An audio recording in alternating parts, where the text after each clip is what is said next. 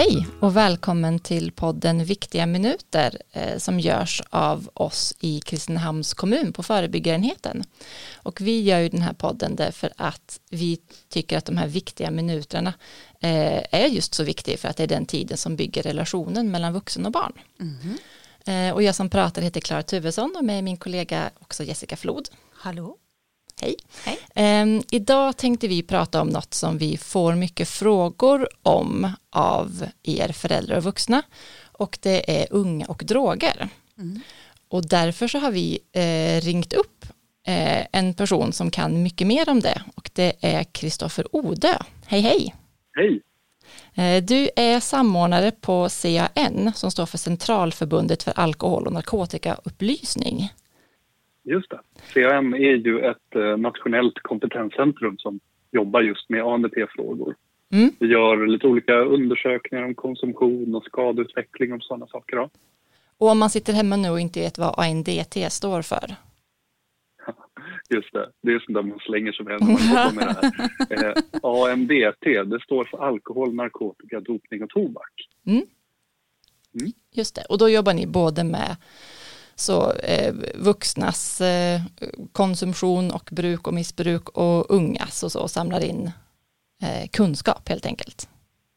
Just det. När det kommer till just ungdomsområdet som är lite så här eh, av intresse just idag eh, då har vi bland annat den här skolelevers drogvanor som är en undersökning som har pågått i årskurs 9 sedan 1971. Mm. Den är väldigt eh, speciell och intressant. Det är ju en av de längsta tidsserierna på den här typen av undersökningar i världen. Mm.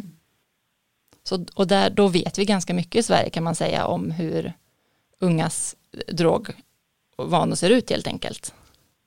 Absolut, vi har kunnat följa trenderna särskilt i årskurs 9 under väldigt lång tid och har, har mycket intressant kunskap eh, där. Och sen, så, sen, sen 2004 också i årskurs 2 på gymnasiet. Då. Mm. Så där kan man också fånga upp liksom vad som händer när de här eleverna blir blir äldre. Då.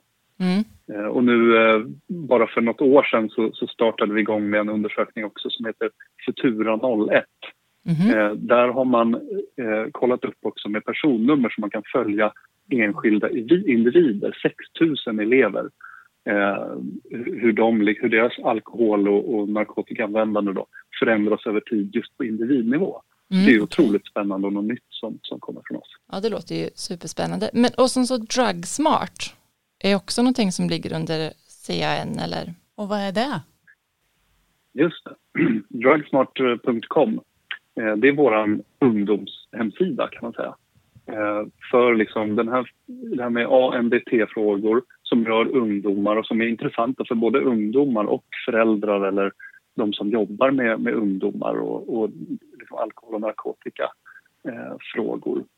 Eh, eh, så, så där har vi en speciell sida just för det. Och det startades egentligen från, från Socialdepartementet redan 1997 som ett projekt vi har funnits över 20 år på nätet vilket är ganska mm. eh, ovanligt sådär, mm. Eh, att en hemsida lever så, så länge. Mm. Den har ju förändrats lite över tiden kan man säga. Det, det, det har ett ganska modernt uttryck idag så det, man ska inte vara rädd för att kliva in där och komma in i någon 20 år gammal miljö. men, eh, men där har vi där fakta och vi, vi har en hel del vanligt förekommande frågor som vi lägger upp tillsammans med ett svar mm. och, och så möjlighet att, att ta kontakt i, i sam, samband med det. Det är en perfekt Så man kan faktiskt ställa, ja, alltså, du kan ställa anonyma frågor där till oss också. Då. Eh, så det enda vi frågar om det är ålder på den som ställer frågan. Mm. Så vi kan ge ett bra svar som matchat liksom så. Eh, annars så ser vi inte varken mejladress eller någonting annat. Så där, där kan man gå in och ställa en anonym fråga om man så vill. Vad är vanliga frågor som vuxna ställer? Vet ni det? Kring ungdomars droganvändning och drogvanor? Ja, eh, det är alla möjliga typer av frågor. Eh, dels så kan det ju vara frågor av, av typen vad är tramadol till exempel? Eh, men sen någonting annat som är lite mer speciellt kanske vid en sån här frågefunktion det är att man har möjlighet liksom att berätta en liten berättelse eh, ur vardagen. Liksom. Det här upplever jag. Mm. Eh, det här är jag orolig för och det här har jag sett hemma eh, tillsammans med min tonåring eller så. Eh, och sen så undrar man liksom, vad kan det här vara tecken på? Borde jag vara orolig? Vem kan jag ta kontakt med eller vad borde jag göra? Mm. Så den typen av frågor är inte lika lätta att skriva i Google och, och få ett bra svar. Utan då vill man ha ett lite mer personlig, ja. personligt svar. Mm. Jag tänker, jag har ju tonåringar hemma och eh, jag vet att mina vänner som också har tonåringar, det här att man, det här med frigörelse tänker jag på, att de försvinner upp på rummet, stänger in sig och vill vara där. Och frågan som vi får här på förebyggarenheten ganska ofta är ju, tror du att mitt barn har kanske börjat med cannabis? Hur ska jag liksom börja prata om det med mitt barn? Alltså, mm. Har du några bra tips, mm. Kristoffer, på hur, hur ska jag gå tillväga? Jag kan nog kanske ha något bra tips. Jag vet inte, det får man väl bedöma efteråt. Ja. ja. det är alltid sådär spännande att börja resonera utifrån ja. en frågeställning. Jag tänker att jag, jag, vill nog i sådana fall börja i änden att här, det, när vi undersöker eh, skolelevers drogvanor i en av de här undersökningarna som jag nämnde tidigare mm. så eh, är det ju som så att liksom, alkoholdrickandet, användandet, det har ju gått ner eh, enormt och ligger på historiskt låga nivåer idag. Mm. Eh, tobak också sjunker eh, i stort med, med liksom cigaretternas eh, med kurvan på cigaretter som är väldigt brant sluttande neråt. Eh, lite andra tendenser kanske kring snus och sådär men det, det, får vi se om vi, om vi kan ha några bra svar om varför. Men, eh, men annars då när det kommer till narkotikabiten, ja där ligger liksom eh, kurvan och spretar lite på ganska låga nivåer eh, i, i förhållande till alkohol eh, fortfarande. Så det, är ganska låga nivåer. Det har varit så väldigt länge. Den kurvan går liksom inte alls eh, i förhållande till alkoholkurvan. Så när den vippar så ser vi inte att narkotikakurvan ökar. Man hör ibland sådär ja. folk säga att ja, de dricker mindre men då använder de ju mer cannabis. Ja, precis. Det Man blandar ihop det med mm. att, och då vill jag vara noga med att säga att vi ser inte att cannabis eh, eller narkotikaanvändandet ökar eh, i Sverige. Så det är positivt. Mm.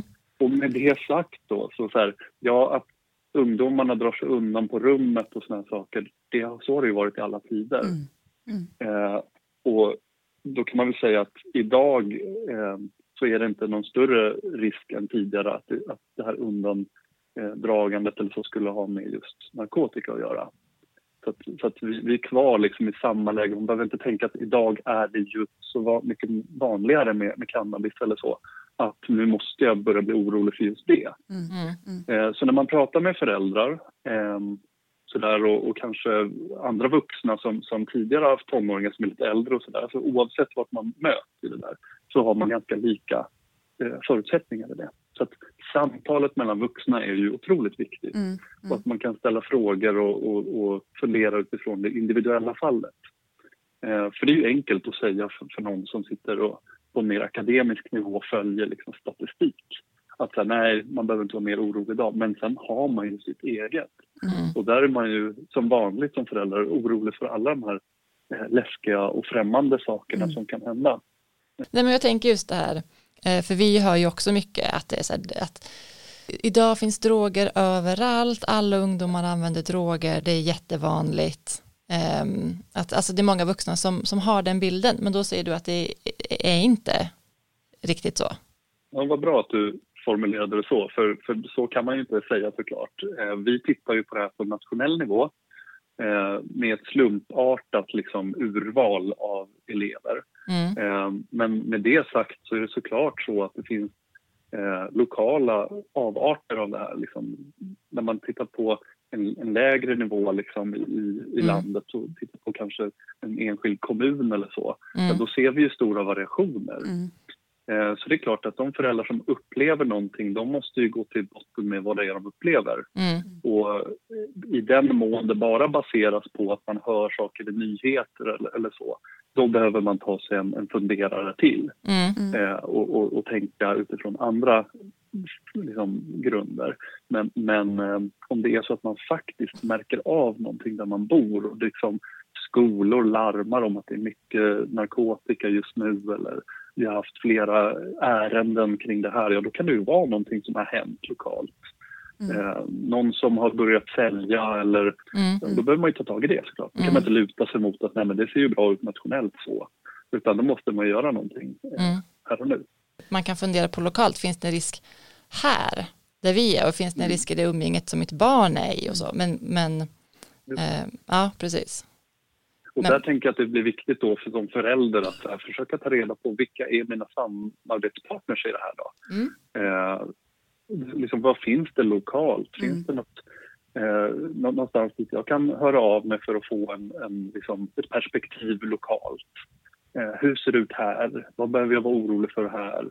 Det här man hör om tramadol till exempel mm. i media. Är det någonting som, som förekommer mycket här där vi bor? Eh, och vad behöver jag i sådana fall vara liksom, uppmärksam kring? Eller hur kan... Och jag tänker också att man kontaktar föräldrarna till, eh, kompi, i kompisgänget. Mm. Hur, hur reagerar de? Har de mm. sett någonting? Att mm. man har den vuxna dialogen. Och där är det ju någonting som är ganska speciellt. I, under förskoleålder, alltså tidigt från förskoleålder och neråt, eller liksom, vad ska man säga, från skolålder och, och bakåt, då har man ganska mycket kontakt med mm, andra precis. föräldrar generellt. Mm. mm. Man möts i kapprummet och man mm. byter några ord och man liksom grejar och mm. donar och man är intresserad av samma saker och sådär. Barnen liksom håller sig kring liksom frost och, mm. ja. och det är liksom eh, lego och såna här grejer. Ja. Så man, man liksom delar ganska många ytor tillsammans. Man besöker samma typer av lekplatser ute och sådär. Mm. Så det, där är man ganska, har man ganska god sammanhållning mm. tror jag på, på liksom åtminstone ett ytligt plan. Mm. Eh, vilket man inte ska underskatta för det är lättare liksom när man har ändå det där hejandet och att man liksom eh, hör efter lite hur varandra mår och om man har varit där eller upplevt det här eller så. När man har den typen av relation som, som ändå är på en ganska ytlig nivå tillsammans med andra föräldrar, ja, då är det också lättare att föra vidare samtalet in liksom på någonting som ja, har du varit med om det här mm. eller är du orolig för något av det här? Medan man då, när man kommer upp i skolåldern, kanske redan i årskurs två i grundskolan, börjar lämna av barnen på parkeringen mm. eh, och så säger man hej då och de springer upp och fixar själva. Så det händer ju någonting när man kommer upp. Mm. Eh, så, och, och, då kan man nog, liksom, om det nu sker någonting, om man börjar bli orolig, då kan man nog ofta känna sig ganska ensam som förälder. Mm. Och det här steget att gå in och prata med kompisarnas föräldrar, så det kan kännas ganska långt. Mm. Så det, där är, det är en svårighet det där. Jag tror att många föräldrar skulle, skulle liksom behöva ta sig en liten funderare där. Om någonting hände, vad skulle jag göra givet de liksom, kontakter jag har idag? Mm. Precis, vem skulle, jag, vem skulle jag ringa först nu? Um... Just vem skulle jag ringa först nu? Vem, mm hur skulle jag reagera om någon ringde mig? Mm. Och vad vet de om det? Har jag någonsin bjudit in till det? Liksom att där, ja, vi, liksom, vi kan väl höra om någonting sker, vad tycker du om det? Alltså, bara inhämta ett litet kort godkännande. Bara där har man liksom kommit en, en bra bit på vägen. För jag tror att eh, om, om mitt barn började använda droger eller dricka väldigt mycket, eh, att jag hade verkligen uppskattat om någon hade ringt och talat om att det här håller på att hända. Än att alla andra vet. Och mm. jag vet inte. Eh, men man vill inte, man vill inte vara den som skvallrar. Mm. Jag tror att många tänker så idag. Att man inte vill kliva i. Och, och så har det nog alltid varit. Mm.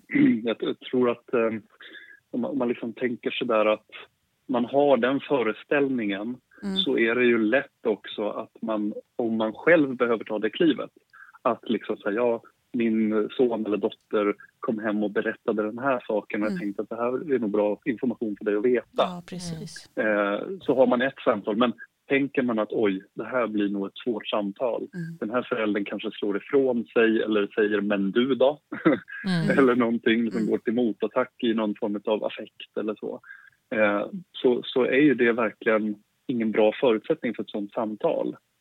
Så här behöver man ju kanske ibland öva sig. Och jag brukar ibland så här, eh, prata om det här med att här, tänk hur mycket folk lägger på att hålla på med självförsvarskurser och såna här saker eh, i, i förhållande till hur sällan man behöver använda mm, sitt mm. självförsvar. Eh, och, och, utan att säga att man inte ska hålla på med det så tycker jag nog att man, man liksom kan dra kopplingen till att men hur ofta har man det här andra självförsvaret som många på en fråga kanske skulle tycka var ett viktigare självförsvar för det handlar om att skydda sina barn. Mm. Där det då behöver liksom, eh, där det tar sig helt andra uttryck. Eh, och i liksom sämsta fall bara skulle leda till att man får en lite bättre relation till andra föräldrar. Mm. Det är liksom bara vinster på det, att börja prata med andra föräldrar. Eh, att möta upp föräldrar, att utgå ifrån att andra föräldrar också är oroliga för samma saker som jag är orolig för. Mm. Mm.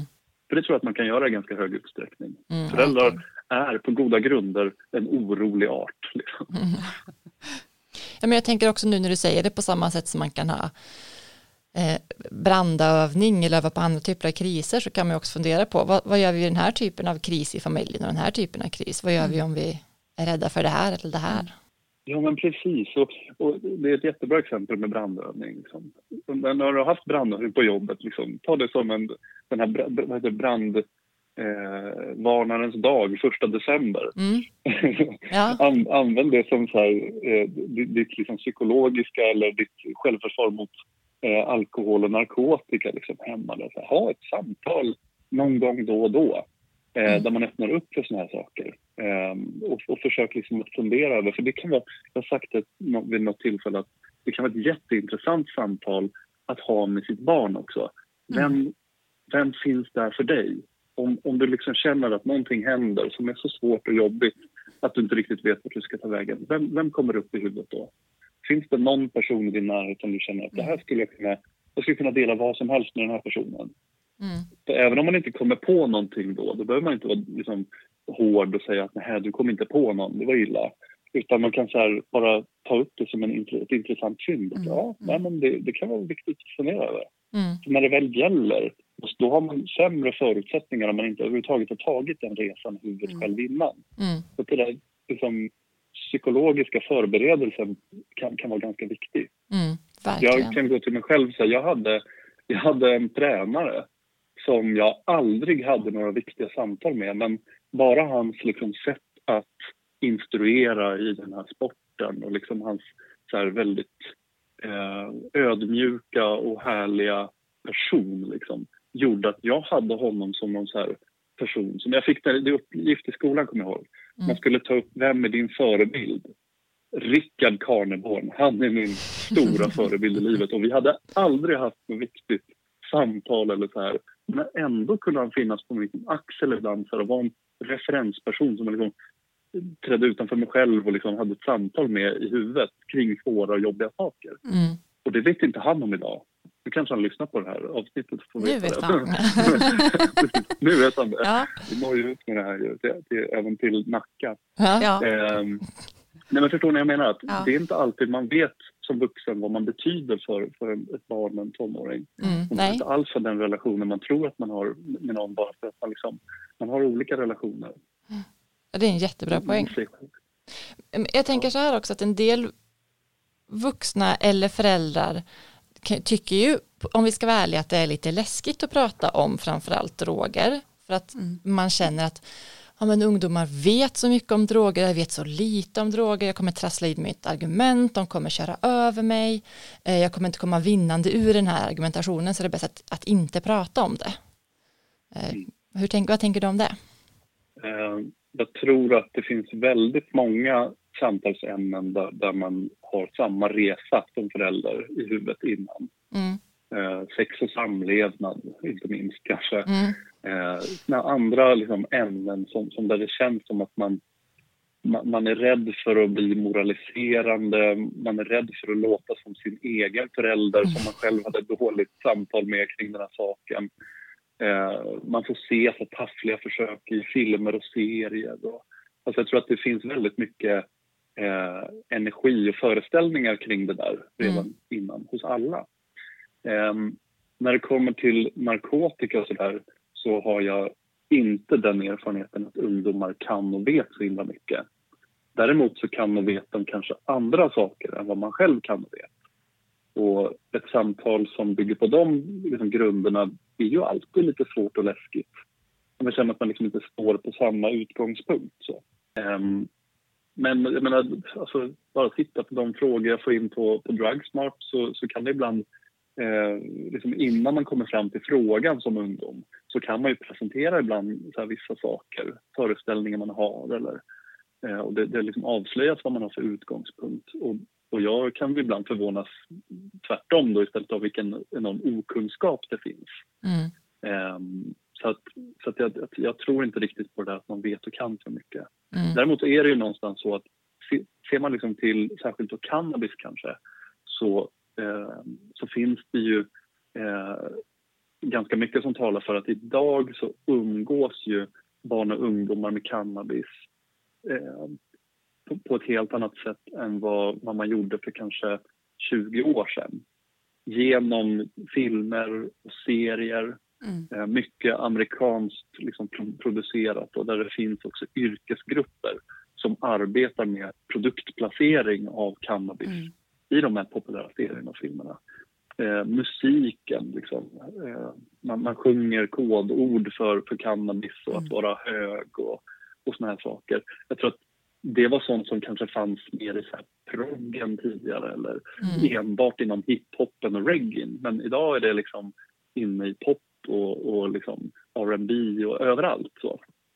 Så jag tror att ungdomar umgås mer med cannabis idag och det kan vara så att de har en annan uppfattning om drogen eh, som, som, än vad, vad, föräldrarna har. Som kanske växte upp när det mer var så skräckpropaganda mm. i samhället. Det var mycket så här, ja, om du röker så kommer du hoppa ut genom ett fönster. Eh, och så där. Och vilket, vilket i forskning inte alls visade bra förebyggande eh, resultat. Mm. Att man liksom försökte med, via skräcken föra bort liksom, intresset från cannabis. Mm, det känner jag igen. Och det är någonting som, förlåt, ja du känner igen det? Ja, ja. men jag också. Jag kommer ihåg hur vi fick se liksom, bilder på dåliga tänder. Och ja, mm, Man förstod inte riktigt kopplingen och sådär. Mm. Um, så det har ju visat ganska dåliga uh, resultat när det kommer till liksom, att, att vända ungdomar ifrån intresset för cannabis. Alltså att, jag vet inte, poängen blir väl någonstans här att ja, det, det är säkert läskigt och, och, jobbigt att ta upp frågor om droger med ungdomar. Men jag tror att man, man tjänar nog mycket på att liksom ta en funderare med sig själv. Vad har jag min ungdom? Är det verkligen så att jag kommer dra igång en, en och trycka på en knapp och så får jag få igång ett stort liberalt liksom, eh, tankemaskineri som bara översvämmar mig med massa kunskap och grejer som jag inte kommer kunna svara på? Där kan väl liksom ett generellt tips vara att här, inte hålla på och, och, och, slå varandra med så här, konstiga argument. Man behöver eh, inte gå in i konflikt. Nej, precis. Och undvik det så långt det mm. bara går. För någonstans är det ju ändå så att här, våra, våra ungdomar de, de håller på och jobbar med sig själva, mm. med vilka de är, vad de tycker och tänker. Och, och vi får liksom inte eh, hålla på och säga att du får inte tänka eller tycka så där utan måste utgå från vart vi befinner oss. Mm. Och sen kan vi utbyta en del saker och lyssna efter och, och höra och liksom i slutändan komma fram med liksom sin omsorg som förälder. Eh, och prata liksom om att jag, jag, vill ju dig så väl och jag vill, jag vill veta liksom var, var du befinner dig och vad, vad, vad liksom, hur det ser ut med, med dig och dina kompisar och, och risken för att liksom, eh, alkohol och andra droger kommer in i ert liv mm. och påverkar er och så vidare. Mm. Ett perfekt tillfälle att ta när vi sitter och äter middag kanske. Middagen kan ju vara ett utmärkt tillfälle. Eh, det måste man ju gå till sig själv som mm. familjen. Mm. Eh, men sen kan man ju tänka också att middagen redan finns. Här, här har vi redan en kontaktyta och mm. vi, vi har våra rutiner och våra liksom mm. ritualer kring middagen och vi sitter ner och vi kanske inte pratar alltid men det kan också vara okej okay för att liksom bara att umgås med varandra är mm. jättebra. Mm. Eh, behåll den ytan kanske fri om, om du är rädd för det här samtalet och tänker att det kan bli så för jobbigt. Eh, och försök att skapa ytterligare en yta istället. Mm.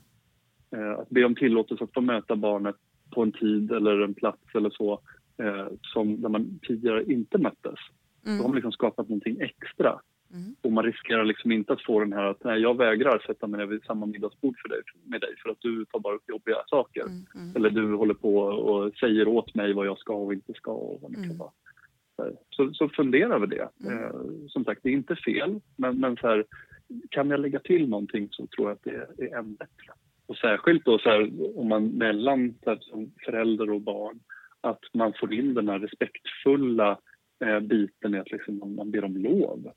Ja, eh, det är något man hör en del om liksom, föräldrakurser och så. Att, att försöka hitta ett sätt, det behöver inte vara så här, eh, får jag, utan så här, men komma in med det förhållningssättet att man liksom ber om lov. Mm. Att få en stund tillsammans där man kan prata om någonting som, som man tycker är viktigt och, och behöver ta upp. Mm. Ja, eh, jättebra tycker jag, Jätte, ett jättebra tips. Det, ju, det, det, finns ju mycket man kan ta reda på och göra och, och prova som förälder i den här frågan, tänker jag helt klart. Eh, och man kan ju börja tidigt också. Man måste ju inte börja när man är orolig själv. Nej. Nej, jättebra, jättebra. Jag tänker att det är verkligen någonting som man ska bära med sig. Att vänta inte på en kris. Liksom. Allting du har gjort innan en kris är liksom saker som, som, kan, som kan vara till nytta för mm. er rent relationsmässigt om en kris skulle uppstå. Mm. Så att, så att liksom, och, och förvänta dig inte en kris heller för då, då kan det nästan vara som att man liksom påverkar liksom den andra till att mm. hamna där hem, att man liksom startar igång någonting. Utan det, saker och ting kan hända. Med det liksom i, i, magen så försök bara ha den bästa relationen du kan ha med ditt barn. Mm. Och möt barnen liksom både i sånt som är svårt och jobbigt men än mer i sånt som är fint och härligt. Mm. För det är ofta där man hittar sen lösningarna om ett problem skulle uppstå. Att här, vi behöver gå in här som vuxna och ta bort någonting. Om vi nu utgår från att det skulle vara narkotika i det här fallet. Då. Barnet har börjat röka cannabis. Vi behöver få bort det. Och då behöver man allt som oftast arbeta lika mycket, om inte ännu mer, med frågan om vad ska vi lägga till. Mm. Om cannabisen nu har fyllt en funktion för, för barnet då, då måste man liksom ge möjligheten att, att, ha de här funktionerna, att kunna må bra, att kunna hantera saker som är ångestladdat eller pressande i skolan eller så på andra sätt. Mm. Så det ger ju vid handen att liksom, har man redan jobbat med det här, finns det fritidsintressen, finns det stunder då vi som föräldrar och barn kan umgås tillsammans och ha det bra redan innan så, så är det en jättebra förutsättning. Mm. Jag har försökt trycka på det liksom i, i olika sammanhang. Att som förälder har man ju otroliga liksom, eh, verktyg bara om man tittar till sig själv. Så här, jag, jag, känner mitt barn, jag har följt mitt barn sedan det var litet. Mm. mm. Ingen vet mer om mitt barn än vad jag gör. Mm. Och det är någonting som, som föräldrar tenderar att liksom glömma bort i tider, i tider av, av kris och oro. Att man liksom vänder sig mot en expert. Liksom. Det brukar ofta komma till då i de här frågorna jag får in på Drugsmart, liksom när man försöker någonstans hämta in en expert och liksom, nu vill jag, jag måste lämna över det här, jag klarar inte av det här. Men visst klarar du av det här. Mm. Du klarar av det utifrån ditt liksom, uppdrag som förälder och dina förutsättningar och så. Sen kan det ibland vara så att man behöver få in annat också mm. eh, och samverka med någon annan, liksom, en, en, någon som arbetar och har mer kunskap och, och så där vet vad man behöver göra i vissa särskilda situationer. Men, men då får man inte ge upp som förälder och, och lämna sitt barn utan man ska stå kvar vid barnets sida liksom, och göra det som, som man alltid har gjort som förälder. Mm. Stötta, peppa liksom, och, och, hjälpa till att utforma en insats eller så, så att den blir så bra som möjligt utifrån den kunskap man själv har som förälder om barnet. Mm. Så det vill jag verkligen lyfta. Mm. Mycket klokt. Ja, jättebra. Mycket kloka ord. Mm. Um, ja, vi ska vi får försöka avsluta här nu, även om man såklart kunde prata mycket, mycket mer. Ja, mycket, mycket, mycket mer. Ja, det kan man alltid. Ja. Eh, men om jag bara ska försöka sammanfatta det vi pratat om idag så är det ju att ja, dels att eh, den här sidan Drugsmart finns och där kan man gå in och läsa anonyma frågor och också skicka in anonyma frågor om det är någonting som man känner att man vill ha eh, eran, eh, era tankar kring. Mm. Um, men, men, överlag om, om cannabis, om vi pratar specifikt om det, um, så om man tittar på hur det ser ut i Sverige så uh, är inte det någonting som ökar och att risken för att ens barn eh, provar cannabis är lika stor som den har varit förut också. Så det är inte en ökad risk som man behöver ta hänsyn till som förälder nu. Eh, men däremot så kan man titta lokalt, hur ser det ut där jag bor, hur ser det ut på den skolan som mitt barn går på, hur ser det ut i den kompisgruppen som mitt barn ingår i och utifrån det försöka bedöma om man behöver vara orolig eller inte. Och eh, man kan också titta på vilka är mina samarbetspartners, alltså hur tar jag reda på hur situationen ser ut, eh, vem kontaktar jag eh, om jag är orolig eh, och här så slår vi också ett litet slag för att hålla kvar det här förskolesättet att ha kontakt på med andra föräldrar.